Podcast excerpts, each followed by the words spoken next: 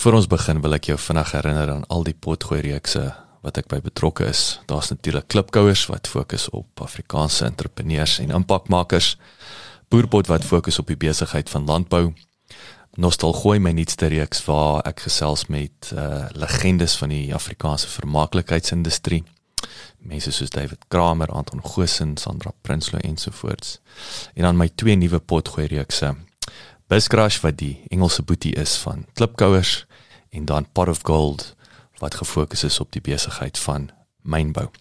As jy in Pretoria is, kom maak gerus 'n draai hier op by ons plek uh in die R21 Corporate Park genaamd Bouma at 21 waar ons 'n kafee het, ons het co-working space, ons hierdie uh uh um, raadsaal uit en my ateljee is hier. So as jy is, kom drink gerus 'n koffie en kom sê hallo. Nommer 7 Media Produksie. Welkom by Boerpot waar ons fokus op die besigheid van landbou. Ek is jou gasheer, Jacques Passon. Lekker leer en lekker luister.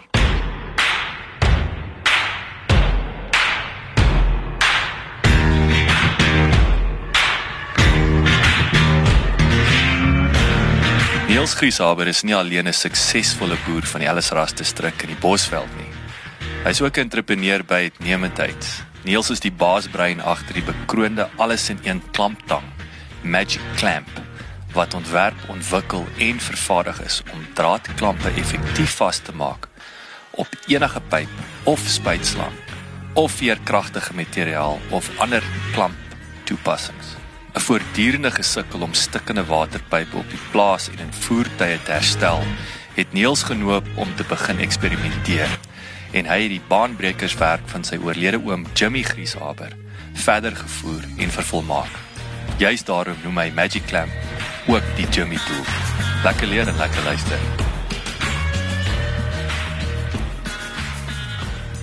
Niels, vertel ons 'n bietjie meer van jouself. Ek sit hier op jou pragtige plaas, né? Nee? Dis net nou hier buitekant Ellis Ras, né? Nee? Nou, waar kom jy vandaan? Uh, en, en, en natuurlik, ek dink dit is eers vir my om hier lekker in 'n tuin te sit, maar ek is lekker cool hier vandag, né? Nee? Ek sê ons dis hoekom ons in die tuin kan sit. Ja, ons is bevoorreg. Ons het uh, ons bly eintlik in 'n relatiewe droë gedeelte in die Bosveld. Uh, ons is bevoorreg om hier in die Bosveld biosfeer streek of strook Bosveld te wees tussen Valwater en Ellisras. Die Waterberg Biosfeerreservaat in Limpopo is 'n uitstekende voorbeeld van hoe verskeie gemeenskappe en belanghebbende partye, insluitende kommersiële boere, kan saamwerk om volhoubare landelike ontwikkeling te bewerkstellig. Die Waterberg Biosfeer beslaan 417405 hektaar en is in 1996 van stapel gestuur om die area se potensiaal vir natuurbewaring, volhoubare ontwikkeling en maatskaplike opheffing optimaal te ontwikkel. Die projek het 20 jaar gelede reeds internasionale erkenning verkry toe dit by die UNESCO geregistreer is as die eerste savanna biosfeerreservaat ter wêreld.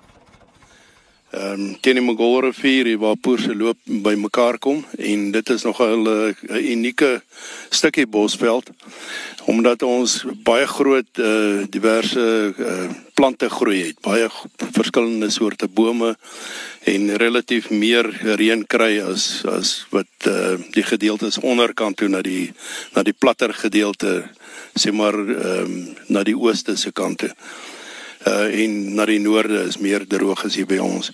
Ja, ek is my hier gebore op Ellisras 1953. Klompie jaar gesien hoe droog en goeie jare gesien, maar die gemiddelde ehm uh, jare van ons was baie goeie ondervinding. Bosveld het ons goed gedra. Baie goeie beeswêreld, baie goeie plantwêreld ook, maar omdat ons uh, baie temperatuur wisselings en uh, goed het ekstreme ja, warm temperature en relatief droog het ons baie probleme met peste en allerlei diere as jy in die winter iets groen plant is al die soorte diere maar hier en alles wil ook maar 'n bietjie deel. So die insekte en ehm uh, die afstand van die markte is 'n baie groot uitdaging om te kan plant en volhoubaar te kan boer met met plant plantery en saaiery in die bosveld. Dit is nie eintlik waarvoor ek dink die bosveld bedoel is nie. Die bosveld is vir wild en vir beeste. Uh ook baie parasiete weer en uh siektes, hartwater en die tipe goed onder die die beeste wat die wild natuurlik nie kry nie. Ehm uh, maar dit het oor die jare vir ons 'n uh, klomp deure oopgemaak om dan ook in die goeie tyd met uh wild ook te begin boer en veral gedeeltes soos dele van my plaas het uh, gifblaar op en daar kan jy nie met beeste vir 9 maande van die jaar boer nie. Maak hom vrek, as hy hom eet, sy Ja, as hy as hy 'n blaartjie of twee blaartjies inkry is sy vrek. En dit is 'n gedeelte, so ek sê 9 maande van die jaar. Daarna word hy hard en en ryp die blaar en dan is hy baie minder giftig. Maar dit is 'n groot probleem en as jy gifblaar op jou plaas het dis 'n ondergrondse tipe rank wat net uh, blaartjies bo op die grond uitkom tussen die gras en hy's ehm um, blykbaar ook nie smaaklik nie maar hulle vreet hom net saam met die die die gras en dan het jy baie moeilikheid so jy kan baie groot skade kry as gevolg daarvan dit is interessant vir my. Jy het uh, ek sien jy het hierdie jy het hierdie pragtige mango bome in die tuin. Ek dink nie ek het ek kan nie onthou wanneer laas ek 'n mango boom gesien het nie. Uh, ehm uh, um, en dan jou piesangs hierso, so jy praat oor van plant. So is dit is is dit primêre en ek weet hier is 'n mango plaas op op pad in hiernatoe. So wat plan die ouens tipies hierso? Wat is baie populêr? Ja, citrus is baie gewild. Ons het net nie 'n citrus aanleg nie. Dit was ook 'n baie groot tafeldryf aanvraag en 'n stormloop. Baie groot koelkamers opgesit ook op 'n stadium.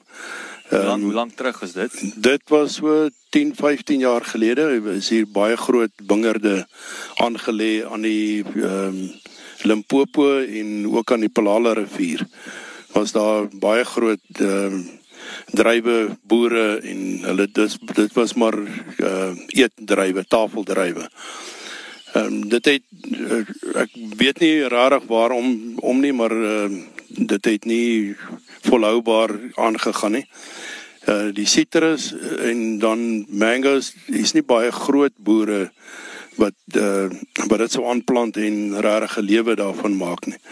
So ons is rypvry hier op op ons plaas is nie ryp nie en daaroor kan hier piesangs val die die, die wilde piesangs, mangoes en die sitrus gaan baie goed aan. So ek dink ons is in die regte ehm uh, deel die regte streek vir sitrus en dan mangoes veral doen baie goed. So jy's so jy's gebore en getoe in in die dorp ehm um, van die van van kleintyd af passie gehad geweet dit gaan gaan uh, boerdery wees maar nou ons gaan nou ook 'n bietjie gesels jy het obviously ernstige entrepreneursiese uh uh gees. Ja, die die boerdery ek sê het het sy beperkings omdat ons nie regtig besproeiingsboere was nie en die tye toe ons hier gebore en groot geword het was daar nie besproeiing nie. So dit was maar uh dit was maar 'n gesukkel as dit 'n droë jaar is, het jy absoluut niks. 'n Goeie jaar is, dan draai jy weer vir 'n jaar of twee, maar dit is nie regtig saai wêreld nie. So as jy kan besproei, het dit heeltemal verander. Ons is reg langs die Mogol rivier. Ehm um, waar water ook 'n beperking is, 'n groot beperking. Daar's 'n baie streng waterkwota wat baie goed beheer word. Maar die industrie neem ook 'n groot deel van ons water op. Die kragstasie en dan ook 'n uh, groot geluksteenkoolmyn die twee kragstasies so ons moet deel die boere moet deel die die water wat beskikbaar is van die Mogolo rivier af van die van die Mogolo dam wat deur die rivier vloei tot in die Limpopo. So water is 'n groot probleem en daarom het ek ook nie besluit om uh, om te plant nie. Ek het uh, besproeiingsreg en ek betaal die regte omdat die die die grond se waarde verhoog vir eendag as ek dalk sou verkoop of iets. Maar ek benut dit nie want ek weet nie wat om te plant wat volhoubaar vir my geld in die sak gaan bring. Wat is uh ek ek, ek dink nou juis ek was nou einde um Junie is ek 'n bietjie daar in Appington gewees. Jy praat nou van van hoe water 'n plaas se waarde letterlik vir 10 dubbel. Hoe hoe lyk daai kostes hierso? Wat wat kos 'n 'n plaas gemiddeld nou hierso per hektaar en as jy nou die besproeiingsregte saam met dit wat wat gebeur met daai waarde? Die waarde van jou besproeiingsgrond is omtrent 10 keer wat wat uh, droë land uh, sou werd wees. So dit is die moeite werd. Ehm um, ek het byvoorbeeld op 1000 hektaar hier so het ek 15 hektaar besproeiingsreg. En omdat ons hier tussen die berge is en uh, relatief marginale grond het, moet jy intensief maar plant en bemes en dan is die markte van hier af bederfbare produkte met die mark wat 300 km ver is. Dis en daai daai koue ketting nou, dis seker ook is duur. Dis dis 'n baie duur oefening. So hier is mense wat veral lemoene, maar dan moet jy elke jaar op 'n nuwe stuk grond plant. Uh mielies is nie regtig 'n opsie nie want jy het groot uh, hektare, groot lande nodig om dan dit ook dan uh bekostigbaar te kan verbou. So net die eh, die besproeiingsgrond is baie meer werd omdat die mense dit dan meer intensief doen, meer groente plant en dan in kleiner kleiner uh, formaat maar hoër intensiteit wat hulle dan uh, die met die groente verbou. En en daai 15 hektaar is groot genoeg as jy tipies so iets sou wou benut. Ja, 15 hektaar is baie. As jy dit in beddingkies opdeel, sou ek dink 15 hektaar is nie baie nie, maar maak 'n paar eie beddings. Ja. Dan dan kan jy nogal besig wees. Insetkoste, soos jy weet, is maar baie duur. So dit bly 'n probleem om jou diesel en al jou toerusting en arbeid uiteindelik om om dit by die mark te kry en jou geld te kry. En dan moet jou tydsberekening reg wees sodat jy uh, in uh, 'n tyd wat ander ouens nie het nie, moet jy kan lewer. As almal het, almal lewer gelyk, dan maak dit nie saak hoe goed of uh, hoe, hoe groot jou oes is nie, dan gaan jy ook nie geld maak nie. So dis eintlik die uitsondering wanneer jy 'n goeie markprys het en dan die aanvraag so is dat dat jou produk dan 'n aanvraag is op daai stadium. So verskil baie baie soos die Engelsman sê moving parts wat wat wat mense in in, in ag moet neem. Dis reg, ek dink dis waar die besigheidsbeginsels in 'n ou se kop begin vassteek. Wat moet ek doen? Hoe moet ek dit doen om dit volhoubaar te kan maak en wel eerstens maak ek geld daarmee. Of hou ek myself en my mense net besig. En ehm um, ek dink wat wat belangrik is is dat 'n mens baie vinnig moet leer en moet aanpas. As jy hier groot geword het en jy dink jy moet met mielies boer en jy hou elke jaar aan en jy sien dit maak nie eintlik geld nie, maar jy glo of hoop dat dit naderhand gaan regkom ehm um, dan gaan jy dit nie maak nie. So mens moet aanpas en dan moet jy besluit wat is die volgende en jy, jy moet dan uh, diversifiseer. Jy moet iets anders dan plant en kyk maar gaan dit werk. Gaan pompoene my help. Dan sien jy ja vir eerste jare het dit baie goed gewerk want toe was ek eerste op die mark en omdat ons in 'n warm streek is, is ons baie keer baie vroeg op die mark. Maar as die groot ouens begin inkom en die tomaties in vroeë winter uh, dan inkom in groot massas dan as as jy nie vroeg genoeg geplant het nie dan gaan jy dit ook nie maak nie. So jy kan nie kompeteer met die groot ZZ2's en die goed as die tomaties en die groot ouens met pompoene en butternuts en die goed plant nie. So as jy deur daai oefeninge is en jy sit waar ek 10, 15 of 20 jaar gelede besluit het ek ek gaan nie meer plant nie want daar is nie ek het nie iets gesien wat wat ek kan plant wat vir my gaan aan die lewe hou nie.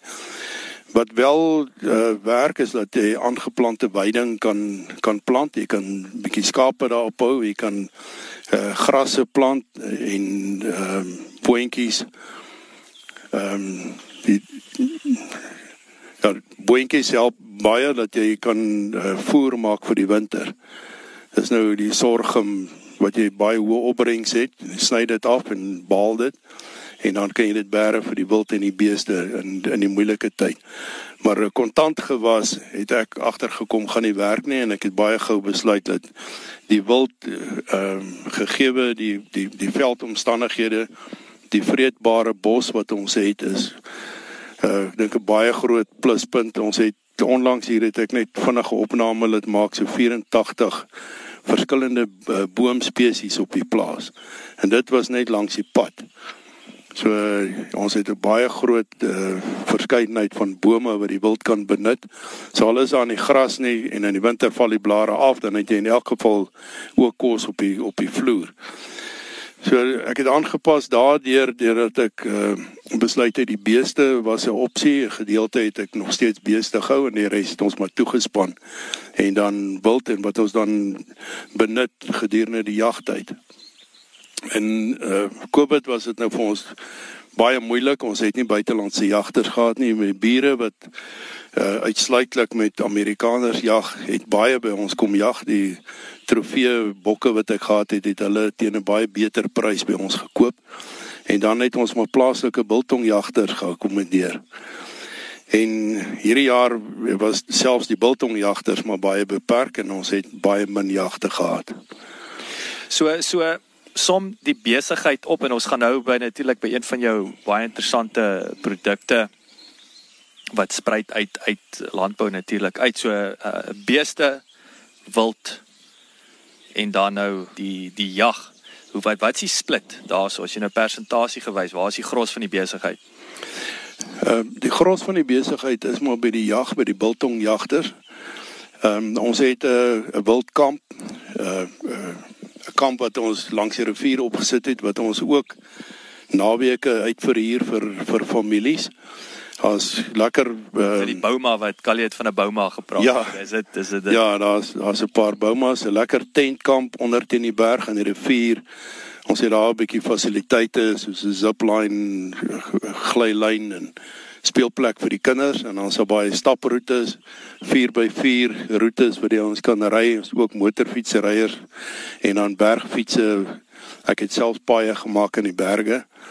So dit uh, as mense dit regtig goed sou bemark en belangstel daarin is daar baie aanvraag. Die mense in die stad geniet dit verskriklik om 'n naweek uh, op die plaas te kan wees. En ek nooi hulle uit en ek vra vir hulle en dis maar een ek is seker al half bekend daarvoor dat ek vir hulle vir al die mense vertel dat ons kry nie die lekker klaar nie kom help ons Daai is 'n kragtige ek wil sê sales speech nee. Ons kry nie Ja, die die die lekker hou nie op nie. Ah, ek hou baie daarvan. As ons as ek Saterdag Sondagmiddag die kinders hier was en ons pak op by die kamp, dan bly al die lekker nog daar. Mm -hmm. En dis is amper hartseer omdat daar daar mense kan wees wat graag hier sou wou wees en die lekker is nog steeds daar. so wat is 'n so wat, jy het nou gepraat van uh, jy weet jy moet wakker wees die verandering en jy het nou ook 'n baie goeie voorbeeld van van van Arend en die duif duif wat aanpas in die stad en hy oorleef Arend is magtig maar hy gat wil ek amper sê. En hy sien sy gat. Dis dis presies dit. As jy nie aanpas nie en die Arend met al sy as jy kyk met sy kloue wat hy het die vlerkspan die spoed wat hy het hy kan enigiets vang wat hy wil. Uh ook dan binne perke, maar tog hoe hy toegerus is om te kan doodmaak en te kan oorleef. Teenoor die duif van die ander kant wat op Kerkplein op 'n paal se kop gaan sit en hy maak daar 'n nes en hy's nie skaam om die broodkrummeltjies wat die boemelaars mors te gaan eet nie en hulle hulle hulle oorleef en hulle vervuil amper in die stad omdat hulle bereid is om aan te pas.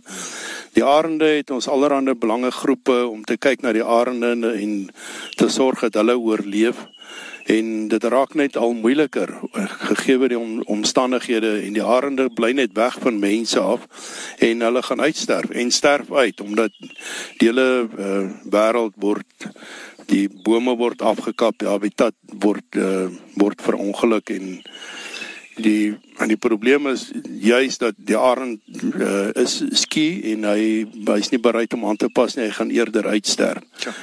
En as ons mense, veral ons boere, ons bitter boere wat ook moet aanpas, daar's 'n klomp aanpassings wat ons moet maak.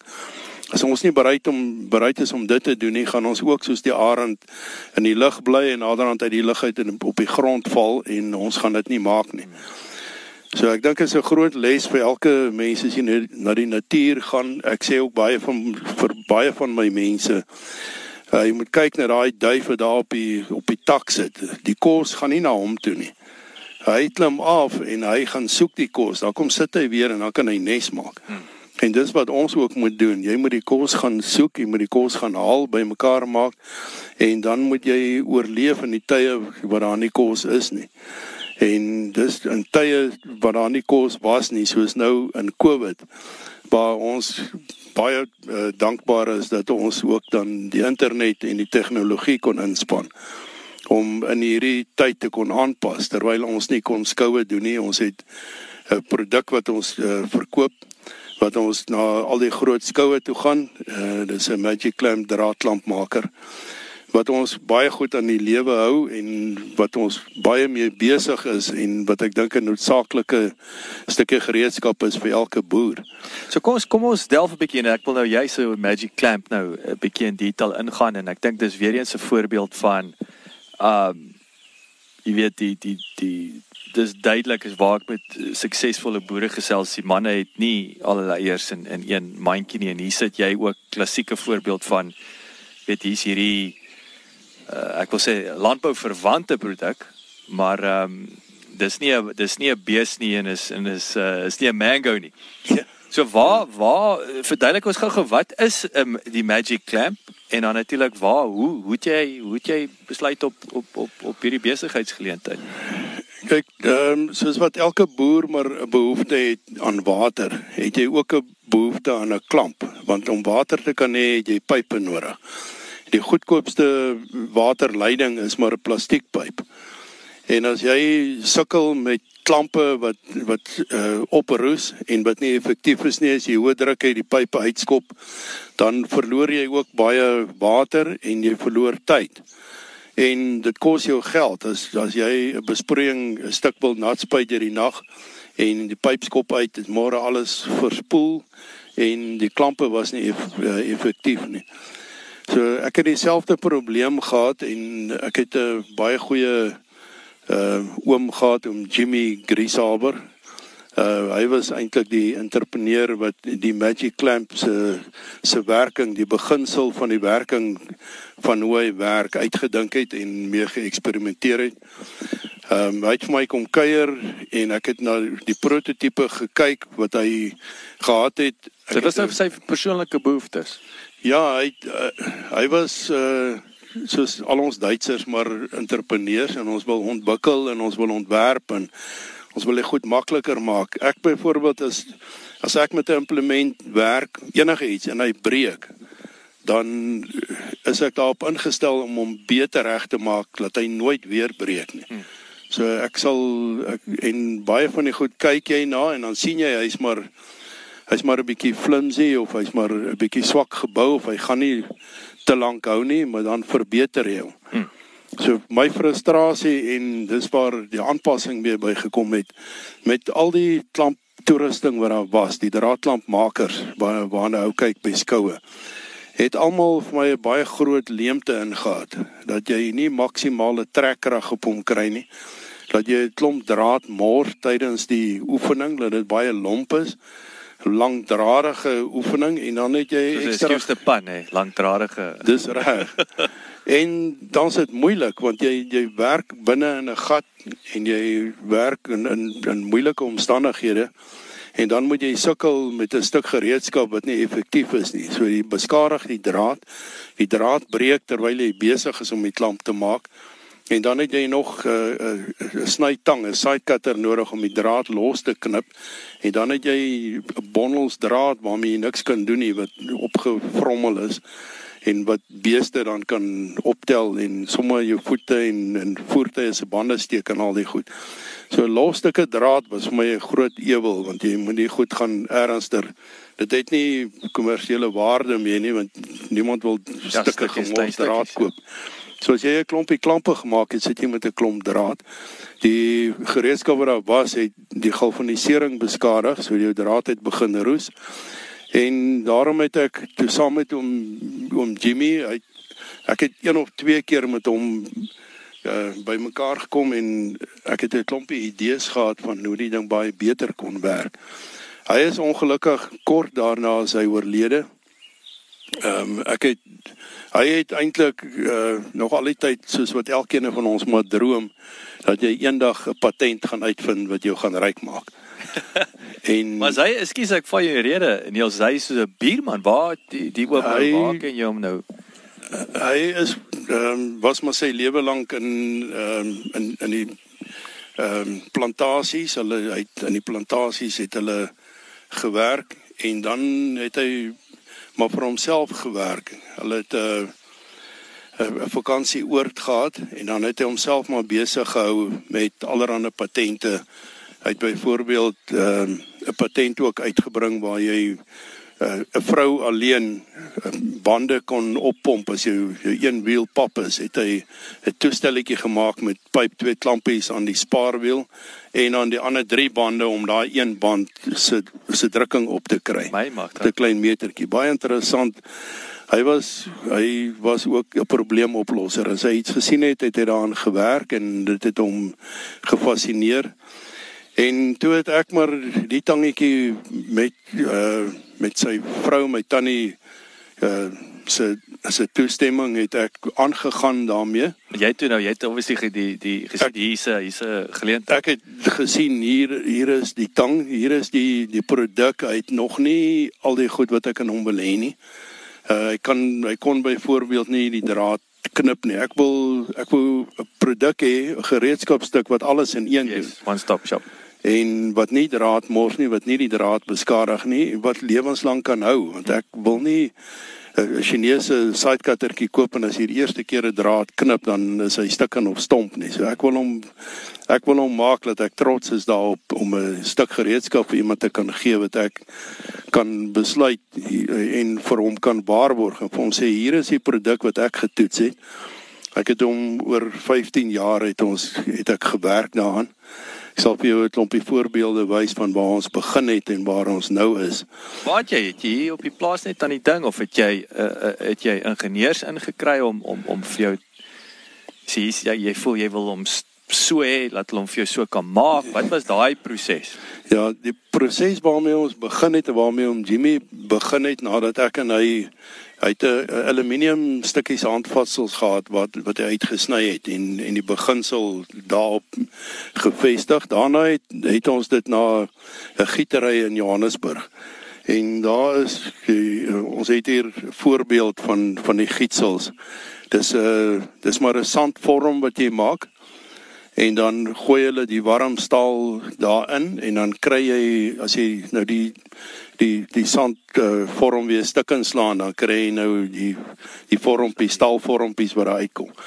Dit het baie probleme ook want jy uh, jou terwyl die staal baie warm is maak hy borrels en as jy dit nou giet binne in daai sand omdat dit dun handvatseltjies is Breek hy dan maklik. breek hy en hy vorm nie al die plekke mooi dan eintlik het jy dan so 'n 'n middelstrook van van die gietsel wat dan 'n baie goeie produk is. Na die einde toe word dit weer koud en dan maak dit amper druppeltjies binne in so jy baie beperkte hoeveelheid wat jy regtig kon gebruik. So ons het 'n klompie daarvan gemaak. Ek het dit ook in my garage hier so het ons die goed geboor en geskuur en gesny en gesaag en aan mekaar uh vasgeslaan. En ek het een skou gaan doen by die Bosveldfees het ons die 160 wat ek gemaak het in 3 dae uitverkoop. Wanneer wanneer was dit toe? Wat is jou wat jou dit was tydskryf? 2000 en 2004. Sure, so Dit ons- sê 16 jaar terug. Ja, dit So, ons maar dit was toe toe toe sê toe sê die blok uit. Ja, toe maar toe kom ek agter dat dit dis nie volhoubaar om dit teen die tempo te maak en te sukkel met die kwaliteit want omdat jy 'n spesifieke staal moet hê, kry jy jy kan nie die uh, die gietstaal temper en mee werk nie. So jy kry hom soos wat hy is. Dan is daar harde deeltjies, dan kry jy hom nie geboor nie, dan boor jy en dan's daar 'n gat binne in die in die Dan in is die hy nou so dan hele ding dan moet jy dit so baie afval en en baie sukkel. Toe het ek dit na Easterand Forging toe gevat, 'n Duitser wat ook uh uh aanleg het wat hulle uh, staal soos wat jy maar jou gedor gereedskap. Hulle drop forge hom en maak hom ons rooi warm en dan word hy geslaan in 'n hamer met in sy vorms. Okay. En dan druk hy hom uit, dan het jy die handvatseltjies waarmee jy kan werk. Soos baie vinniger, Dis- kwaliteit is stabiel. Dis reg, jy kan produksie opjaag tot omtrent waar jy wil. Daarna het ek dit na 'n ingenieursmaatskappy in Johannesburg gevat wat vir my die gaatjies geboor het, die verwerking so 14 stappe daarna dan het ek hom in 'n pakkie en dan kan ek hom verkoop. Yes. So dit was ook baie duur en dit het ook eh, 'n uh, beperking gehad op uh, die uh, die draaityd en uh, die ingenieursmaatskappy kon nie net vir my tangetjies mee werk nie, so hulle het baie allerlei ander werke ook gehad. So en om 'n aanleg op te sit net om die tangetjies te maak en die hele ketting en dan daar moet dit gegalvaniseer of gekroom word. So die behandeling, die verhardingsproses op jou snykante. So ek sê daar's 14 stappe voordat jy hom in jou hand het wat jy kan sê hier is hy en nou sê bemark bemarkbaar. So dit is duur staal in eerste plek wat jy gebruik want jy moet genoeg eh, staalkwaliteit daarin hê dat jy met hom kan werk. Oh, dis en dis hoekom jy 'n lewenslange waarborg het. Dis dis hoekom ek weet nou dat dit is die beste staal wat ek kon kry wat beskikbaar is en waarmee jy nog steeds kan werk. Daarna het ek uh, ek die probleem kry in Suid-Afrika dat dit begin baie duurder raak om hoë uh, volumes te kon kry, het ek dit in die buiteland begin doen. En ons het uh, daar's 'n uh, baie goeie fabriek in China. En baie mense kyk na die Chinese, maar hulle bou Porsches en hulle bou van die beste produkte wat daar ooit is. So jy kan vir die Chinese sê wat jy wil hê en ek het die produk by hulle wat hulle dan vir my waarborg en wat ek dan kan waarborg. Jy kan staaldraad met hom knip solank as wat jy wil en jy kan met hom werk en as jy hom gebreek kry, ek het nog nooit van hulle teruggekry nie, maar as hy breek dan waarborg ek hom en gee vir jou 'n nuwe een. So ek wil net uh, vandag daar stop met die wat was jou proses om om hierdie verskaffers te gaan soek? Jy weet natuurlik waar jy begin in Johannesburg uh met hierdie hier kos man maar ingenieursfirmas wat ook al. Hoe hoe het jy hoe het jy wat het, wat was jou eerste stap om sê okay, waar waar begin ek? Uh, is dit was dit 'n Google oefening en dan natuurlik nou met die Chinese ook. Wat gee ons 'n bietjie meer vleis daar as ou nou wil gaan sors in China. Ja. Waar die hel begin jy? Die die groot les wat ou moet leer, ons het net nog gepraat van aanpasbaarheid. En dan moet jy jouself net sommer uh deur 'n klomp mense laat beïnvloed en negatief raak oor 'n produk. En as jy glo in jou eie produk, moet jy deeltyd aanpas en met hom werk want jy kry terugvoer omdat ons as jy by 'n skou staan soos by Nampo waar ons nou 14 jaar agter en volgende elke jaar is. Ja. Dan het jy terugvoer en dit is wat 'n mens aan die lewe en aan die gang hou. Dis wat jou wat jou vuur aanblaas en wat jou as, as wakker. jy as jy luister. as jy as jy luister. ek dink dit Ja. is die ander. Daar sal 'n klomp natuurlik 'n klomp slim mense wees wat ja. vir jou sê maar sy oupa het dieselfde klamp met 'n met 'n 6-duim spyker gemaak. Nou ek het 'n 6-duim spyker en ek het 'n sterpunt skroewedraaier en ek het 'n tang se handvatsel waarmee elke ou sê sy oupa het, het dan gee ek hom 'n stuk draad en ek gee hom die tang of die spyker dan vra ek hom om vir my. hierdie klas 6 of klas 10 pyp se klamp te kan maak soos wat ek hom maak. Hm. En dan is 90% 99 van jou ons sal vir jou sê ja nou maar nie hierdie klas pyp nie. O o o. So en dan het jy natuurlik baie slim ouens wat wat vir jou sal vertel van die ding sal nooit werk nie en draadroos en al die allerhande ander goed, maar dan moet jy net in jouself glo in jou produk. Jy weet jy het hom aangepas, jy weet jy het hom getoets. As jy hom getoets het en jy weet hy gaan werk, dan kan jy hom waarborg en dan kan jy as as jy glo in jou produk, is daar niemand anders wat hoef te glo totdat jy hulle oortuig het naderhand. En hulle sê sien is glo en voel is wragtig. En die terugvoer wat ons kry by honderde mense terwyl ons besig is met die stalletjie sal 'n ou van 6 meter weg sal vir almal daar sê luister hierdie is die beste ding wat ek ooit gekoop het koop hom Hy skrum, skrum nie om. en dit is wat uh, wat 'n mens lewendig hou en dis wat jou laat glo en weet dat jy hierdie produk is reg en jy moet hom net bemark jy moet hom net by die mense kry So ons het nou nou gepraat van wat is negatief? Wat wat laat 'n mens negatief op die goed? Die ehm um, die probleem is om mense te oortuig. dat hierdie R400 wat hy nou gaan uitlê vir hierdie produk gaan hom in staat stel om nooit weer nodig te hê om 'n klamp te gaan koop nie. Jy moet in in mense het 'n weerstand teen draad. Jy kan nie Hoekom is dit so? omdat die mense altyd draad verkeerd aangewend het. Hulle het met 'n tang gedoen. 'n Tang is gemaak om draad vas te draai, nie om draad te trek nie. Want dan sou 'n draadtrekker tang genoem gewees het.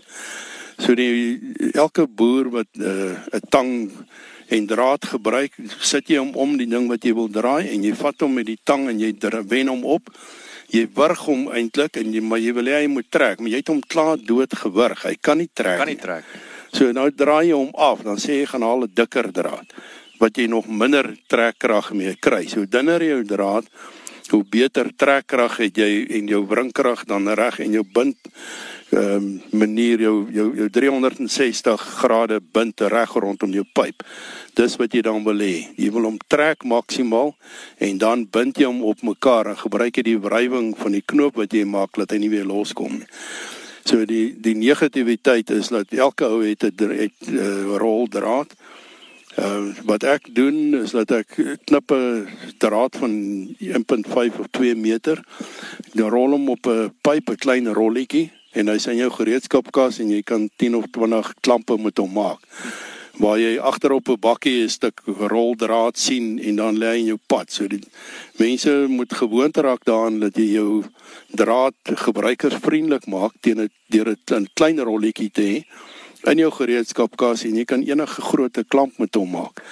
Die draaddikte is jy ook nie beperk op die tange nie, die klein tangetjie, die deluxe kan jy tot 'n 2.5 mm wat amper 'n blou draad is mee werk.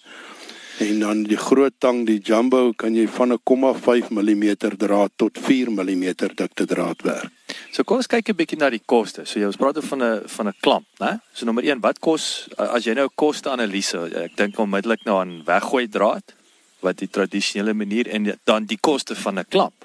So vinnig kry jy jou R400 terug as jy nou as jy nou na jy weet daai uh, elimineer, 'n dierder uh, klamp en natuurlik die die die afval. Dis presies. Jy kry ook klampies wat ehm uh, dierhandelsmerke op het soos 'n Mercedes is 'n wapentjie op. Jy kan hom met 'n nommer 8 of 'n 10 spannertjie kan jy hom draai, maar hy het net 'n beperking, dan strip hy. Van hulle is, is vlekvrye staal, maar hy het ook nie genoeg trekkrag nie. Ehm um, elkeen van hulle Dis nie 'n ordentlike oplossing van die probleem. hierdie is 'n permanente eh, probleemoplossing want jy kan vlakvrye staaldraad gebruik wat nooit roes nie. Jy kan koperdraad gebruik wat uiters effektief is. Koperdraad het geen wringkrag nie, maar hy het 'n geweldige trekkrag. As jy kyk jou jou telefoonlyne was suiwer koperdraad kan hom baie styf trek en hy hy hy's baie sterk, maar as jy hom begin opwen dan breek hy. Nou die tang van ons gebruik koperdraad baie effektief sodat jy 'n baie sterk klamp kan maak met koperdraad. Jy kan draad ook dubbel maak en dan het jy nog 'n beter dubbel trekkrag van die, van die dikte draad wat jy gebruik. So wat kos 'n Mercedes-Benz klamp? Hy kan jou iets van 15 na 25, 35 rand kos op 'n 'n 40 mm byvoorbeeld wat jy op op jou verkoeler se se pype sou sit. En dan tot R5, R6 vir jou kleiner klampies van 3 kwart duim en duim grootte. So as jy 'n handvol klampe gevat het en jy het 'n handvol uh, uh lasstukke En nou die voordeel van die tange van ons dat jy nie nodig het om lasstukke te gebruik nie. Die rooi en en swart lasstuk en uh uh stukke die die die reducers waar jy van 'n 40 na ehm uh, 50 mm belas. Sit jy die 40 mm binne in die 50 mm pyp en jy trek hom net vas. Vas, want hy trek hom baie meer effektief en hy sal nooit daar uittrek nie. Waar jou jou jou, jou polyuretaan swart pype uh is baie meer rekbaar as die swart of oranje plastiek lastik wat jy het. Die beeste trap hom stuk in as jy met 'n voertuig oor hom ry, trap hy hom stuk in. Dit altyd lekker en dit is ook is 'n baie kort stukkie pyp. So jy jy, jy het 'n beperkte afstand waar jy jou klampe kan opsit. Mm. En as jy nie binne in as jy nie die die pyp saamtrek dat hy binne in die groewe intrek nie, dan gaan hy nie hou nie. En dit is wat die klampe nie kan doen nie. Hy kan nie tussen die ribbe kan hy nie uh, jou pyp behoorlik vastrek op die op jou lasstuk nie. So dit staal of plastiek. Ons sê die jy jy die uh, hassle factor amper daarso en dan behalwe nou water of jy verloor in die proses om die ding nou lek en jy moet weer die klamp gaan gebruik. Maar dit klink vir my of jy jou produk in in 'n jaar is het jy hom betaal. ja, dit hang af hoe hoeveel jy werk het. Ek het uh onlangs het hy vir my 'n foto gestuur waar hy uit sy tank uit uit sy drukpomp en na die besproeiing het hy iets soos 48 klampies gemaak. Hy het my vinnig die sommetjie gemaak en hy sê hy kan hom nou maar weggee vir sy buurman. Hy het hom 3 keer betaal ja. alreeds. Yes. En dan is dit net 'n verskriklike handige stuk gereedskap. Ons was een keer by Nampo en oukie daar kom staan met sy motorfiets ge helm en sy rugsak en dit uitbasyn aan almal en gesê dis is 'n surviving tool elke ou moet een hê. Hulle het vyf ouens deur die uh, rivier gery in uh, die die die ek dink die visrivier canyon of iets en een van die ouens se motorfiets se skokbreker vooruit gebreek en hulle die blikkies wat hulle by hulle gehad het, die leë blikkies oopgesny en hy het om die skokbreker met 'n magic clamp het hulle klampe gemaak en die blikkies gebruik as as 'n stit om hom reg te maak en die ou het 120 km kon ry. My magte. En daai ouetjie het jou laat hoendervleis kry om te sê jy kan nooit sonder hierdie tang wees nie. Ja, wat het hy andersins? Hy het 'n ernstige probleem. Dis reg. Hy kan nie eers bagasie oplaai nie, hoe kan hy nog iemand anders oplaai? So en dit is die gevalle uh, waarna ek dink en waarvan ek weet en dan ook trokke wat in die pad staan. 90% van trokke wat onklaar raak in die pad is as gevolg van lugdruk wat hy verloor. En die outomatiese stelsel wat die remme inskop, laat 'n sleepwa of 'n trok binne in die pad staan en dis waar die ongelukke vandaan kom. Nou ek het self 'n uh, 'n low bed en ek het dit het myself oorgekom en ek het net 'n stukkie sagte uh, rubberpyp um, binne in daai die die ander rubberpyp gesit wat wat deurgeskuur het. En ek het hom geklamp en, nice. en ek het 'n druktoetser hierso ek sê jou wys hoe hoë druk. Ons gaan hierdie hierdie plastiekpyp gaan tot so 25 bar. So waar jy tussen 8 en 12 bar druk op jou trok het so jy kan enige pyp gebruik Makkelijk. en hy gaan daai remme onmiddellik kan jy jy kan hom laas stukkie pyp tussen binne in of buite om selfs jou gewone waterpyp kan jy gebruik klas 6 en jy kan hom binne in daai daai rubberpyp sit. Jy sit twee klampies op, jy kan die trok start en ry. So ek wil 'n bietjie het ou van Nampo gepraat 14 jaar. So julle is klink vir my amper daar van die begin af gewees, nê? Nee. Nampo Oesdag is een van die grootste privaat georganiseerde uitstallings in die wêreld en is die grootste landbou masjinerie en veeskou in die suidelike halfrond. Dit word jaarliks in Mei naby Botawil in die Vrystaat aangebied.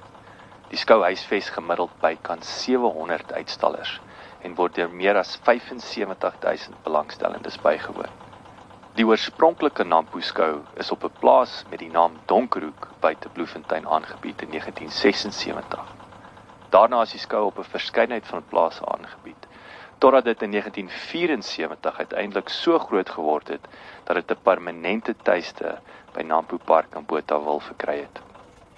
Tel ons 'n bietjie meer van die van die uh landbou skoue. Jy weet so uh jy weet hoeveel is daar? Wat wat is uh, ons weet nou Nampo is die grootste. Wat wat staan vir jou uit oor die jare wat wat lekker is? Wat's goed, wat's sleg? Uh wat wat's die gemiddelde koste? Jy weet gee ons 'n bietjie ons gevreet mos net carry en reis en en luister musiek en drink bier. Maar mens weet nie wat die wat die ekonomie agter is nie. Ja, wat baie lekker is, dit is dit is 'n baie gesellige sosiale geleentheid waarin jy die geleentheid kry en jy het 2 of 3 dae by Nampo het ons 4 dae tyd waar jy uh, optimaal die tyd en jou gehoor moet benut. Jy het net daai tyd en jy moet maksimaal uh, blootstelling kry en vir mense wys.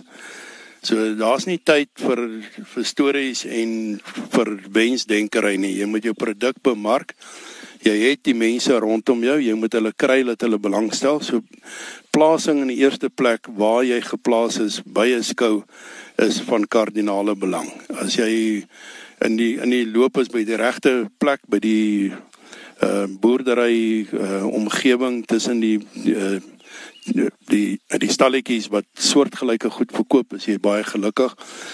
Ehm um, as jy een kant staan, kan jy maklik jou 6 of 7000 rand vir die naweek wat jy daar moet betaal, kan jy maar in die water gooi want al die plekke is nie so ehm uh, geskik en daaroor het jy as jy kyk na die uitleg sal jy ook sien dat daar baie groot prysverskil is waar die voete normaalweg is. En wat my boodskap nog na elke organiseerder is, maak al die plekke soos hierdie R10000. Hoekom moet ek R4000 betaal en dan weet ek ek gaan die voete kry nie en jy weet dit ook. Dis hoekom Ja, jy dis my my minder charge en nou gaan ek nou wil Ja. ek nie kom nie. Nou ek wil 10000 betaal, maar nou is daar nie meer plek nie. So gee my 'n R10000 se plek en moet my nie in 'n wors stopper sit waar almal deur hardloop soos baie ouens probeer nie.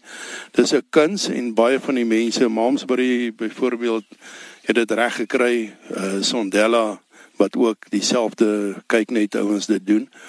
Hulle het dit reg gekry dat jy omtrent enige plek kan wees en waar jy waarde van geld vir jou geld gaan kry. Maar dit dit lyk vir my weer klassiek hoe die manne nie na mekaar ek wou sê best practice gaan kyk nie. Ja, As en nou dit sê is- regliks Malmesbury is as jy nou 'n voorbeeld van iets wat werk en jy sit nou ek weet nou nie hoe lyk die Billy Millie fees of of of Parys of wat ook al van hierdie feeste wat die ouens doen nie. Ja, baie van die van die organiseerders uh het dit maar geërf. In Bosveldfees dieselfde ding. Ek het opgehou om na die Bosveldfees toe te gaan want dit was maar 'n rigiede manier. Ons het gesê dis hoe dit is. Hier's die saal, daar's dis die paadjie wat jy loop. Jy kan nie in 'n in 'n gangetjie uh 15 mense gelyktydig in langs mekaar in een gangetjie by jou stalletjie verby kry net. Maak nie saak wat se produk jy het nie. Jy kan nie die ou stop en hom wys wat jy en my produk moet hy sien. Ek het hom 2 of 3 minute nodig om vir hom te wys wat se voor en nadele. As ek die ou in hierdie gang stop, dan blok hy almal van agter af. So Ja. hy kan nie stop nie. Hy kan kyk na die lik, flikkerliggies en die flitsies wat hy ons verkoop en dis die beste wat jy kan doen. So as jy my nie die geleentheid gee dat ou na my toe kan kom en hier my 2-3 minute spandeer nie. En ek dink dit is met die meeste van ons produkte is dit die geval. Ek wil sien hoe hy lyk. Ek weet hoe flits werk. So ek kyk na daai en ek sien hoe skerp lig hy en ek kan hom koop maar ek kan nie elektroniese goed behoorlik toets nie. Ek kan nie 'n internetstelsel behoorlik evalueer as ek nie 'n paar minute daar staan en luister en my vrae vra en die behoorlike antwoorde kry nie. So ek dink daar's daar's 'n baie groot les daarin te leer dat mense ehm hulle hulle moet kyk daarna dat almal 'n gelyke geleentheid het vir dieselfde hoeveelheid voete. Hmm en dan kan jy met met 'n geruste hart na enige skou toe gaan. Dit's verskriklik lekker om die terugvoer te kry. Uh as jy 'n goeie produk het en dat jy mense kan besig hou.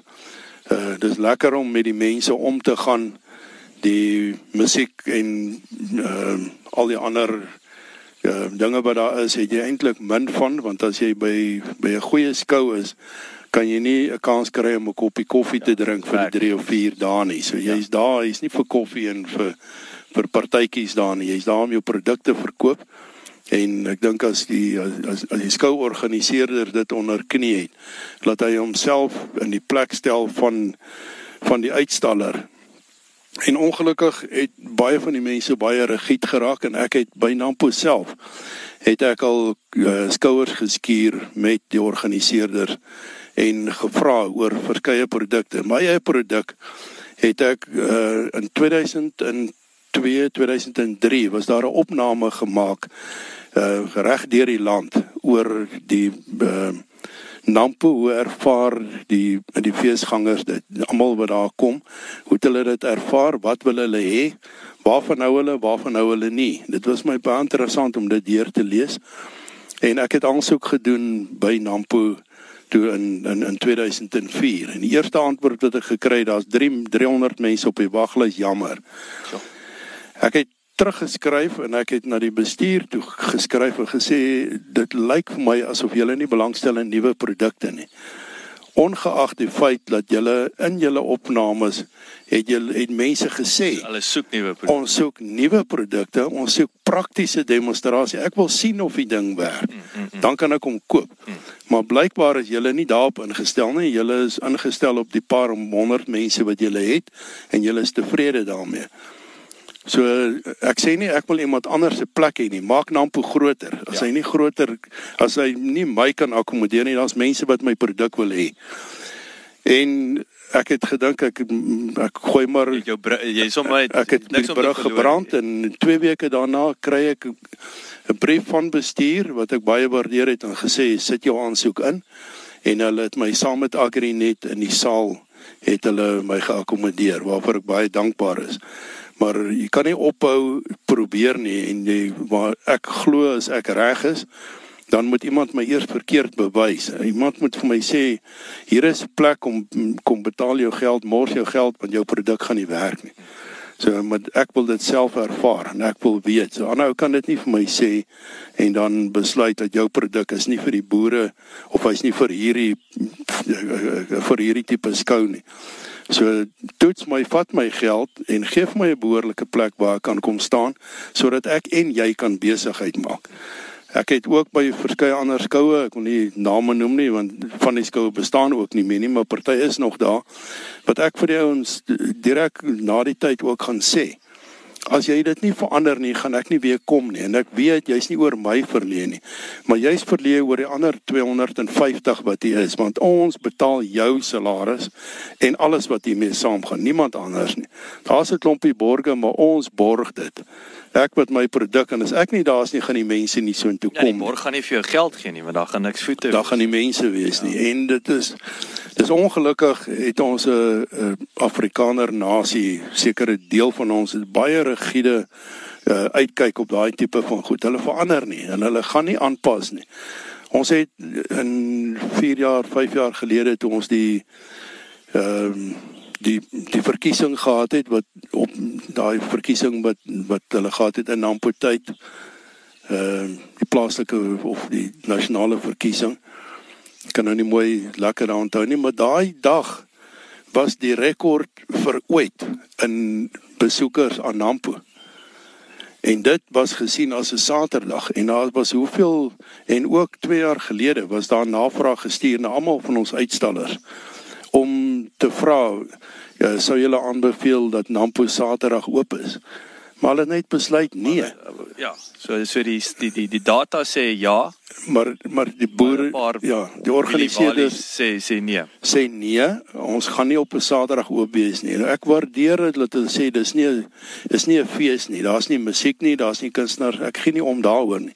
Ek wil die boere in die voete daar hê en ek wil die mense hê wat kom kyk en kom koop my produk kom koop. Maar ek wil ook die ou wat in die week werk en wat net Saterdag kan kom laat hy ook kan kom op 'n Saterdag. En hulle weier nie dis 'n 4 dae uh, Dinsdag, Woensdag, Donderdag en Vrydag. En Maandag moet ek betaal om my eie stalletjie op te sit. Ek is 'n uitstaller. Ek het daaroor met hulle skouers geskuur en sê, "Hoekom moet ek my kaartjie betaal? Die plek is mos nou as ons nog niks." En ek en my vrou betaal ons eie kaartjies. As ek iemand saamvat om om te gaan betaal ek toegang om in te gaan. En dis ook 'n tipe goed wat wel Nampo is 'n goeie skou. Hy gaan volgende jaar het hulle Nampo Alpha 'n tweede skou wat hulle gaan ja, saam met die jag. sou nou September Hy mos sou gewees het, ons sou daar ook daar gewees het. Ek is baie dankbaar vir dit wat hulle doen, maar die aanpasbaarheid ontbreek vir my by baie van die mense se sienings en gelukkig vir hulle is dat daar is daar is nie baie sulke sulke kompetisie nie. Daar is jy kan nog wegkom met met daai rigiditeit, maar seker tot op 'n punt toe in elk geval.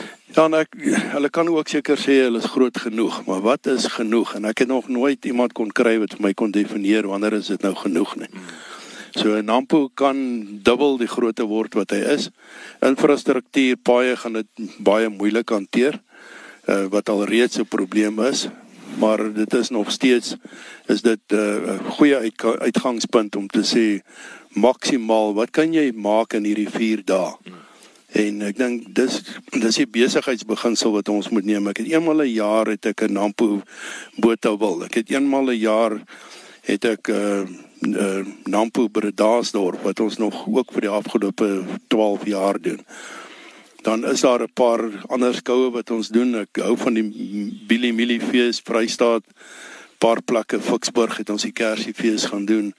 En dis maar om ook vakansie te doen. Ons het 'n motorhuis, motor motorhome waarmee ons rondry. Oh, kyk hier vir jou jou jou lekker. Ek het ek het ek het twee twee bymekaar gesit dat hierdie is die dis die ja. uh, magic uh, clamp uh, waar. Dis reg. ek sleep 'n karretjie agterna en waar ons kamp dan ry ons rond en reg deur die jare ons vakansie. So ry moet hom net waar ons wil, maar ek is nooit sonder die tange nie. Uh want elke plek waar ek kom, weet ek by die boer waar ons op die plaas oornag, dan vra hy my 150 rand om daar te bly. Volgende oggend koop hy 'n tangetjie vir 400 rand ja, want hy weet hy het hom nodig. Wees jy net net 'n laaste vraag op dit. Wat wat wat is die beste verkope wat jy op 'n skou gehad het? Wat hoe lyk dit? As jy nou ek neem aan Nampo sal seker uh, Ja, Nampo is is die beste omdat jy regtig nie kans het om eers asem te haal. Daar's voortdurend van 7 uur wat jy oopmaak tot 5 uur die middag wat jy uit die saal moet wees. Is daar voortdurend mense. So dit hang af hoeveel mense jy kan kan vinnig kry om te kan sien wat jy doen. Ek het twee advertensies, twee TV's wat ook rol terwyl ek wys wat ook dan die verskillende aanwendings dan adverteer sodat mense vinnig kan sien wat dit is. Maar uh, ons maak 'n klompie klompie geld ehm um, wat dan uh, baie voordelig is want jy het 'n bietjie kontant ook waar waarmee dan andersins uh, meer kan gaan vakansie hou. Mm -hmm. So kom ons kom ons praat 'n bietjie weet ons praat nou van van verskaffers nê nee, ons het nou so 'n lekker ding. So wat wat wat en jy het nou gepraat van die Chinese is natuurlik 'n belangrike verskaffer neem ek aan. Watse ander verskaffers? Is krities in in in in in jou besighede. Weet as ons nou kyk selfs die plaas en dan wil ons natuurlik ook nou met COVID jy weet wat tegnologie wat is die impak van tegnologie op op die besigheid en hoe belangrik is dit? So kos kos delf 'n bietjie dieper daar Dit is 'n verskriklike uitdaging. Ek dink bemarking is seker die grootste uitdaging wat enige persoon het. Jy kan die beste produk hê as jy nie by die regte mense uitkom, die regte benadering het en jou produk aan hulle bewys en bemark nie, sal jy nêrens kom nie. So die skoue is vir ons nog altyd 'n manier om ons produk net te gaan vertoon. Die bemarking is is 'n baie groot uh, uitdaging vir ons. Daarom as ek nie by die mense kan uitkom nie, het ek tegnologie nodig en dit is wat vir ons die voordeel kan gee. Ek het tegnologie nodig dat iemand my produk kan sien. Hy moet hom amper kan voel, hy moet hom ervaar en ek moet hom op 'n manier aan hom aanbied. So ek moet deur die internet, deur uh, al die uh, visuele uh, maniere wat daar is, is dit noodsaaklik dat ek dit by hulle kan uitbring. Ek moet vir hom die voordele kan wys. Ek het ou se aandag nodig vir nie net 'n paar sekondes nie, vir 'n minuut of twee, want jy kan nie uh, opsom dit wat ek uh, en inneem dit wat ek vir jou kan kan wys en kan bied omdat dit uh, heeltemal 'n uh, uh, uh, uh, denkwyse moet verander, 'n mind shift moet hê. Yes. Waar jy gewoonweg 'n tang en 'n draad gehad het, so die eerste die eerste reaksie is ja, die draad werk nie. So nou moet ek vir jou sê draad kan wel werk, jy moet net die regte gereedskap hê. En nou moet jy hom eers kry dat hy kan begin dink, maar dit lyk moeilik, maar eh, dit is eintlik nie so moeilik nie. Kan dit vinnig en effektief doen. Daarom het ons 'n video gemaak op YouTube van eh, host lamp in less than 30 seconds. Effektief en as jy dit onder 'n half minuut kan doen, dan kan jy amper 'n brandstofpyp wat besig is om te mors kan jy regmaak sonder om 'n klamp te gaan soek 'n stukkie draad en dit het met myself gebeur in in Botswana waar die die brandstofpyp uitgetrek het 'n stroom petrol uit uitgespuit het en ek 'n stukkie pyp uh, geknip het wat ek in my gereedskapkas gehad het en oor die pyp gesit en vasgemaak. Dieselfde met die trok se probleem. So jy het iets nodig wat jy uh en en en jy dan tyd nodig om vir iemand te kan wys en visueel dink ek is die belangrikste dat jy vir ou kan wys wat hy kan doen en dat hy dit dan soos ek sê amper kan ervaar en kan voel en die die die voel is wragtig.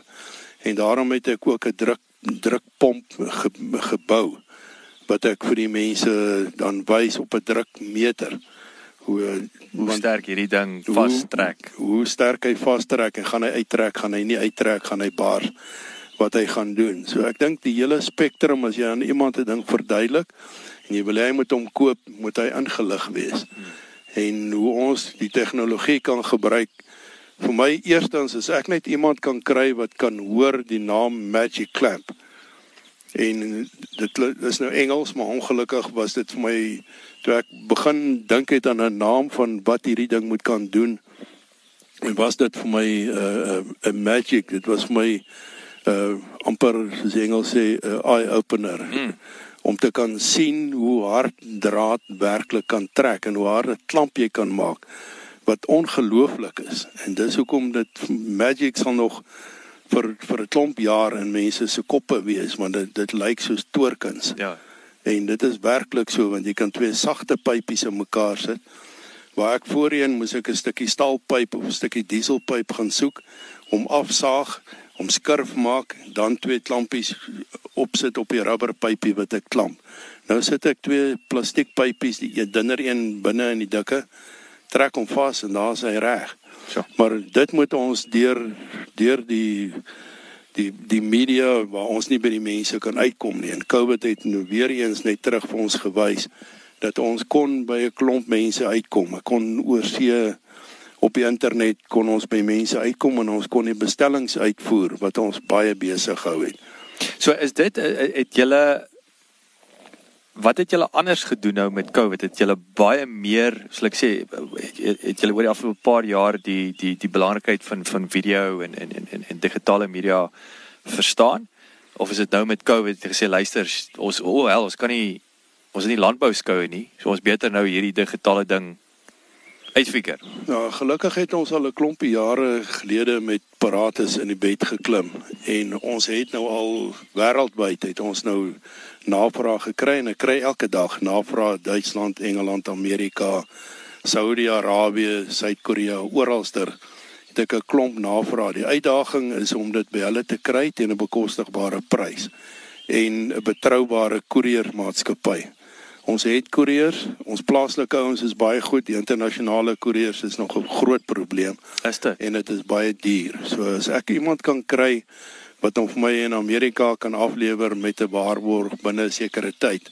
Ons het die DHL baie probleem hulle verander hulle pryse is van en dit dis te verstaan want daar's zones in die wêreld daar's uh, brandstofheffings en goed wat verskil daar's Brexit en al die ander ander goeder Daar's 'n baie groot uitdaging. Die wêreld is baie wyd en ek het 'n 'n visie in my kop dat hierdie tangetjie omdat hy nêrens in die wêreld bestaan nie. En die internet sê dit vir jou want jy kan maar gaan Google gaan Google wire clamps uh implemente en dan kyk jy wat is in die groot Amerika en enige plek in die wêreld beskikbaar want enige iets wat beskikbaar is sal op Google wees en daar is nie 'n tang of klampmaker wat soos Magic Clamp werk nie. Hy is uniek. Wat se weet in, in terme van Amer Amerika natuurlik massiewe mark, maar is daai waar vind jy tipies uh uh jy het nou waterpype genoem. Is daar 'n spesifieke tipe boerdery wat wat nou meer sou ek sê uh, sou dit sê waterpype of meer hierdie hierdie hierdie behoefte het? Wil ek, wil ek sê wat wat wat die wat die teiken ideale teikenmark is internasionaal. My teiken my teiken is elke persoon wat 'n voertuig het of wat 'n uh, 'n trek of 'n uh, trok of 'n trekker enige voertuig op 'n uh, huis, 'n gewone huishouding want jy kan daar's legio uh, plekke en aanwendings waar jy hierdie klampie nodig het. 'n Gaspypie wat lek. Jou klampies werk net nie want hy trek 'n blinde hoekie op jou pyp omdat hy net in een rigting trek. Hulle is nooit effektief nie.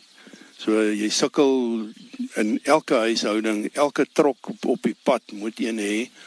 En ek wil net aan aan aan elke ou wat wat enige iets met water of lugdruk of gas te doen het, behoort om te hê en dit gaan die beste uh, klamp wees wat hy ooit gehad het.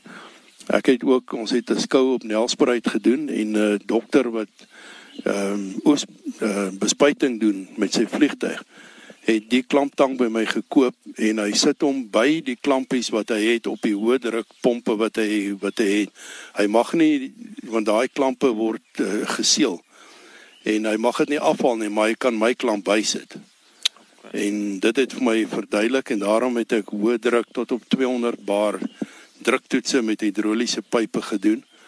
Ek het uh, net onlangs 'n web van tussen 130 en 200 bar die hidroliese uh, uh, rubberpyp met die staal versterking binne-in het ek herstel met sukses, een klampie aan elke kant en hy werk net. Dit is so so eenvoudig. Nee, ek wil dit soos daai ek ek's baie lief vir my Da Vinci se se aanhaling. Dit was sy simplicity is the ultimate sophistication. Nee. dis, so hierdie klink vir my 'n baie goeie voorbeeld.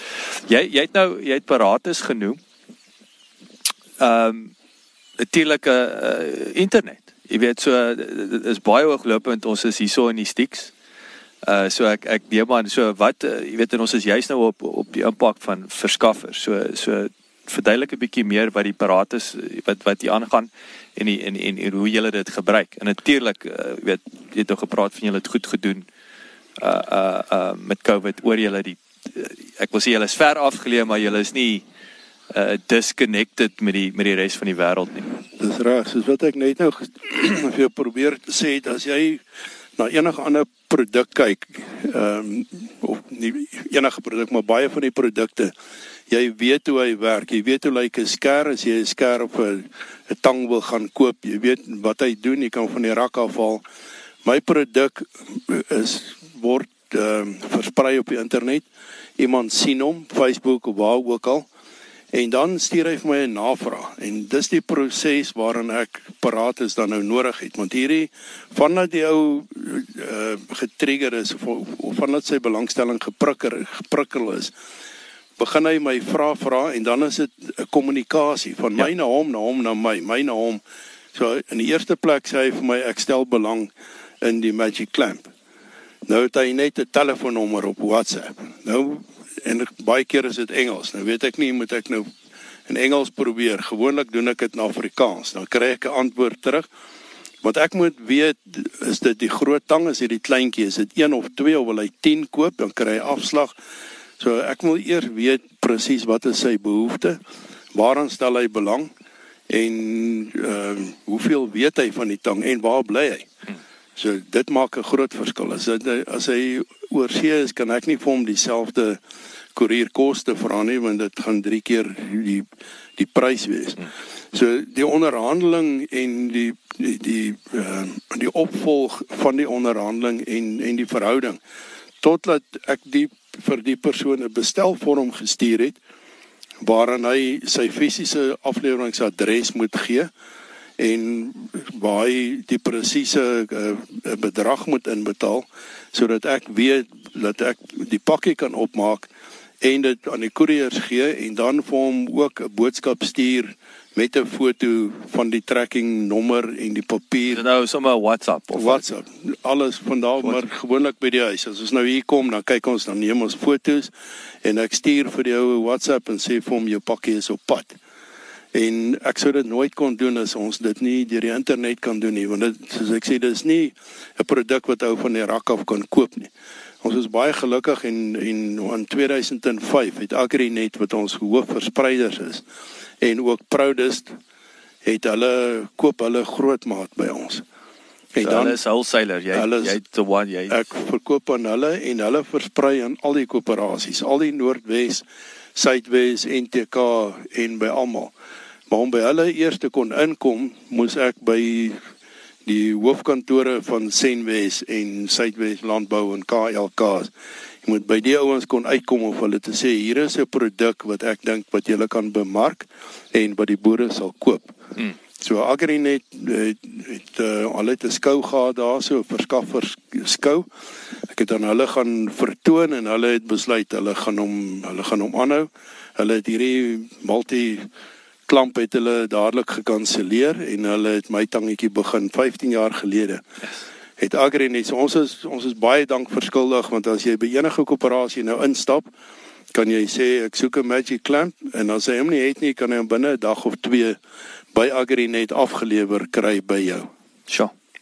So ek wil 'n bietjie vashak in terme van jy's nou gepraat van van Paratus internet. Kyk, Paratus satelliet internet. So hoekom is dit?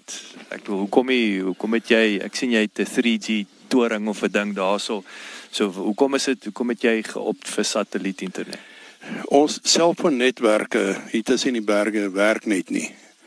So as hy partykeer 'n bietjie aankom, as jy gelukkig het jy omdat ons hier tussen die berge bly, kry jy 'n spookbeeld of 'n spooksein. Ek weet nie hoe dit werk nie. Partymal sê bietjie sterker, maar normaalweg is dit maar wel beteken dit niks. Jy kan of nie die ou hoor nie of jy kan net 'n gedeeltelike gesprek voer. So selfoonopvangs by ons werk net heeltemal glad nie.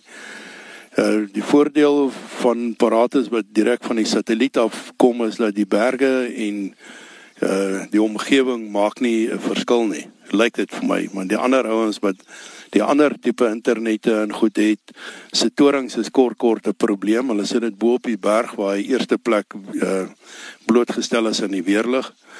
En dan dan hy slaan hy hom uit en terwyl hy weer dit reën en vir 'n week of 2 of 3 dae gaan hy ons dit nie herstel nie en dan het, dan sit hy ons sonder internet. So my bure en die mense wat nie nie 'n uh, uh, satellietopvangs het direk nie is kort kort groot moeilikheid. So dit is ek dink het julle mense vergeet die die dis nou by tegnologie met 'n WhatsApp nê, nee, want dit is hoe jy dan bel nê. Nee. As jy die Wi-Fi sien dit, nou kan jy besigheid doen, nou kan jy uh, kommunikeer met die buitewêreld. Ja, dis dis ek uh, klink vir my die kritiese dinge dan natuurlik nou die nice to haves, jy weet Netflix die, en en so aan. ja, ons is ehm um, 'n ander groot voordeel wat ek waardeer het van Paratus is dit dat hulle my Telkom lyn die 014 plaaslyn het hulle geport en as jy nou my ou 014 Telkom nommer skakel dan gaan hy oor op die satellietfoon wat ook gekoppel is aan apparate is waarna ek die diens kry wat ek 99% van die tyd gebruik. So ek gebruik die satelliettelefoon wat dan sy eie uh, nommer het maar wat ook geport is met jou Telkom lyn. Nee, magtig. Hoe so lyk 'n satellietfoon? Is dit nou maar uh, Dis 'n klein digitale telefoontjie wat kleiner is. Hy nou jy los hom in die huis. Hy's hy, soos jou landlyn. Ja, maar hy hy's ehm uh, hy's beweegbaar, is portable, so ek kan buite rondloop en ek kan bel. Ek het twee telefoontjies en jy kan ook twee lyne gelyk bel. Hey, so terwyl jy op die een praat, kan die ander een skakel. Ek en my vrou kan elkeen op 'n op 'n satelliet uh, telefoon wees en bel. So bel jy vir nie tyd dan nou? Is dit soos 'n uh, gebruik data? Is okay, so jy met die data. Uh, maar jy nou data. jy maar jy het nou onbe, het jy onbeperkte data. Ja, so dan is jy right weer. Ek het on, onbeperkte data en dan is daar klein kostes. Ek dink die meeste wat ek nog vir telefoon betaal het 'n maand was so R115. Dis in jou hardloop, so dis nou persoonlik in jou hardloop besigheid op. Ons dit is absoluut die moeite werd. Die telefoon, satelliettelefoon wat beskikbaar is, uh Telkom lyne is lankal afgesteel. Jy kan sien hier by ons is geen draad meer nie. So hier's geen Telkom. Ek sien jy het 'n ou het 'n ou telefoonpaal hier in die tuin wat nou vir my. Dit was 'n museumstuk wat is ja, heel Dis 'n museumstuk en die drade omdat ehm uh, Telkom nie meer werk nie, het ek die lyn by hulle gekoop. So ek het ou telefoonpale en die ou draad wat baie goeie klampe maak want hy's koper buite hom wat uh, baie sterk klampe kan maak. So ek het uh, ek het 'n goeie uh, naverbruik van Telkom behalwe die syne en, en die diens wat ek verloor het. Uh. Niels, ek gesels nou so lekker met jou hierso in die tuin. Ek sien al weer die tyd het ons ingehaal hierso. Verskrik, dankie vir jou tyd. Ehm uh, dit is heerlik om hier te sit en uh, en is regtig 'n inspirerende storie. Is is nou is nou, ek moet sê is die eerste boer wat ek nou hierdie jaar gesels wat nou 'n uh, 'n produk het wat hy fisies aan die publiek, ek wil sê 'n B2C, 'n B2B en dan nog sommer internasionaal ook verkoop, hoor. So dit is uh, inspirerend. En weer eens ek ek wat vir my wat ek net nou nou ek wou dit beamoen het dat ek sê altyd vir mense met met sekere goederes is dit altyd ideaal om te kan sê of as iets probeer verkoop is do as I do don't do as I say. Jy weet in in jou geval is dit do as I do. Jy weet jy dit is eerstehandse beproef uh, uh, uh, bewys en en en dit werk. Jy weet hier op die plaas en nou en nou gaan verkoop jy hom. Dis reg. Ek het ook ek het ek dink 'n baie goeie boodskap 'n les aan aan elke persoon dat as jy glo in jou produk en dit wat jy doen en jy jy het 'n passie daarmee is dit net jy wat so dink op daai stadium. En op enige stadium maak dit nie saak wat ander mense dink. Jy moet dit glo en jy moet dit uitleef. En dan moet jy aanpas daarbey en mens moet nie blind wees en dink jy weet alles nie mens moet kyk na wat is die kommentaar, wat is die en ek ek het so 'n bietjie agtergrond waarin ek uh, nabetragting doen van die polisie weermag se tyd het mos maar die uh, die uh, so oefeningkie wat jy doen wat jy sê wat was goed, wat was sleg, wat moet ek aanhou doen, waarmee moet ek stop? En as jy regdeur elke keer deur hierdie uh, oefening werk, dan dan bly dink ek bly jy op koers en dan moet jy jou passie uitleef en ons moenie bang wees en skrik vir klein opdraannetjies wat kom nie. Daar het mense byvoorbeeld my produk nagemaak. Nou ek het gepatenteer in 2005. Dan het jy 'n keuse. So of jy gaan hof toe en jy gaan beklei hierdie ou in die hof en jy mors jou tyd of jy fokus jou aandag op jou produk en jy verbeter jou produk en baie goeie uh, pro, uh, professor het vir my gesê as jy 'n goeie produk het dan moet jy eerstens moet hy die lewe vir mense makliker maak. Dis dis die beginsel. Mense is gemaklik en hulle wil hê die lewe die lewe moet moet makliker wees daarna. En dan moet jy uh, Natuurlik is daar 'n klompie voordele as jy deelneem aan kompetisies en inskrywings. Daarom het ons in 2005 die toekenning gekry uh die DISA toekenning Design Institute van Suid-Afrika. Uh wat 'n baie groot pluspunt is waar die WNR en Buro van Standaarde deelneem. En dis dan die die uh 'n kompetisie uh en 'n toets rondom Suid-Afrikaanse intellek en ook die uh top 100 technology top 100 het ons ook deelgeneem ook in 2006 'n uh, excellence award gekry vir die uitvinding van die produk en die volhoubaarheid daarvan. So as jy iets kan kry wat wat wat jou produk kan ondersteun en wat kan bewys dat jy moeite gedoen en jy's besig om te her, te vernuwe en aan te pas die hele tyd, dan gaan jy sukses maak, maar net jy kan dit doen. Dan gaan niemand anders dit doen nie en ek dink dis wat mense in hulle kop moet kry. Laat jy en jy alleen net dit in jou kop en jy moet volhoubaar dink oor jou besigheid. Jy moet aanpas daarbey en jy moet luister wat mense vir jou sê en nie sommer net van die baan gegooi word deur 'n ou wat sê maar jy's nou opgeskep met hierdie produk nie. So glo daaraan en doen dit en dryf dit want net jy kan. Hm, dis baie dis dis wyse woorde daai. Ek sê altyd uh pas op vir die braaivleisvuur waarhede. Ja. Dan moet jy dit omdat dit hier werk om om, om die braaivleisvuur met twee mense dit is maak dit nie die realiteit nie. Dis presies. Toets dit in die mark en uh, gebruik dan en ek is ek moet vir Callie Karelsen wat ons al 10 jaar mee die pad loop vir hom daarom ook net dankie sê. Hy het ons deurgetrek in tye waarin ons uiters uh, probleem tye gehad het 2014 het ons oorstrome gehad in spesifiek in hierdie omgewing waar niemand enige telefoon of enige kommunikasie gehad het nie en ons was die middelpunt van van die kommunikasie. So die internet vir enige besigheid spesifiek ons besigheid gaan jy nêrens as jy nie met mense kan praat en nie visueel met hulle kan kontak maak en jou produk dan bekendstel. En en natuurlik jy wil nie stad toe trek om dit te kan doen nie. Nooit. Ek het al Ek het my kinders almal gesê hulle kan hier van die huis af kom gebruik my internet, kom doen julle bemarking en kom bly op die Bly op plaas. die plaas. Niels, dankie vir jou tyd en uh, ek hoop uh, 2021 is 'n is 'n fantastiese jaar vir julle en ek ek hoop ten minste ons het weer ons het weer landbou uh skoue in, in in 2021, maar dit uh, dit lyk vir my of dit 'n bietjie 'n vraagteken is op hierdie stadium. Ja reg, baie dankie Jacques, ek waardeer en dankie vir jou kuiertjie. Nee. Baie dankie Niels.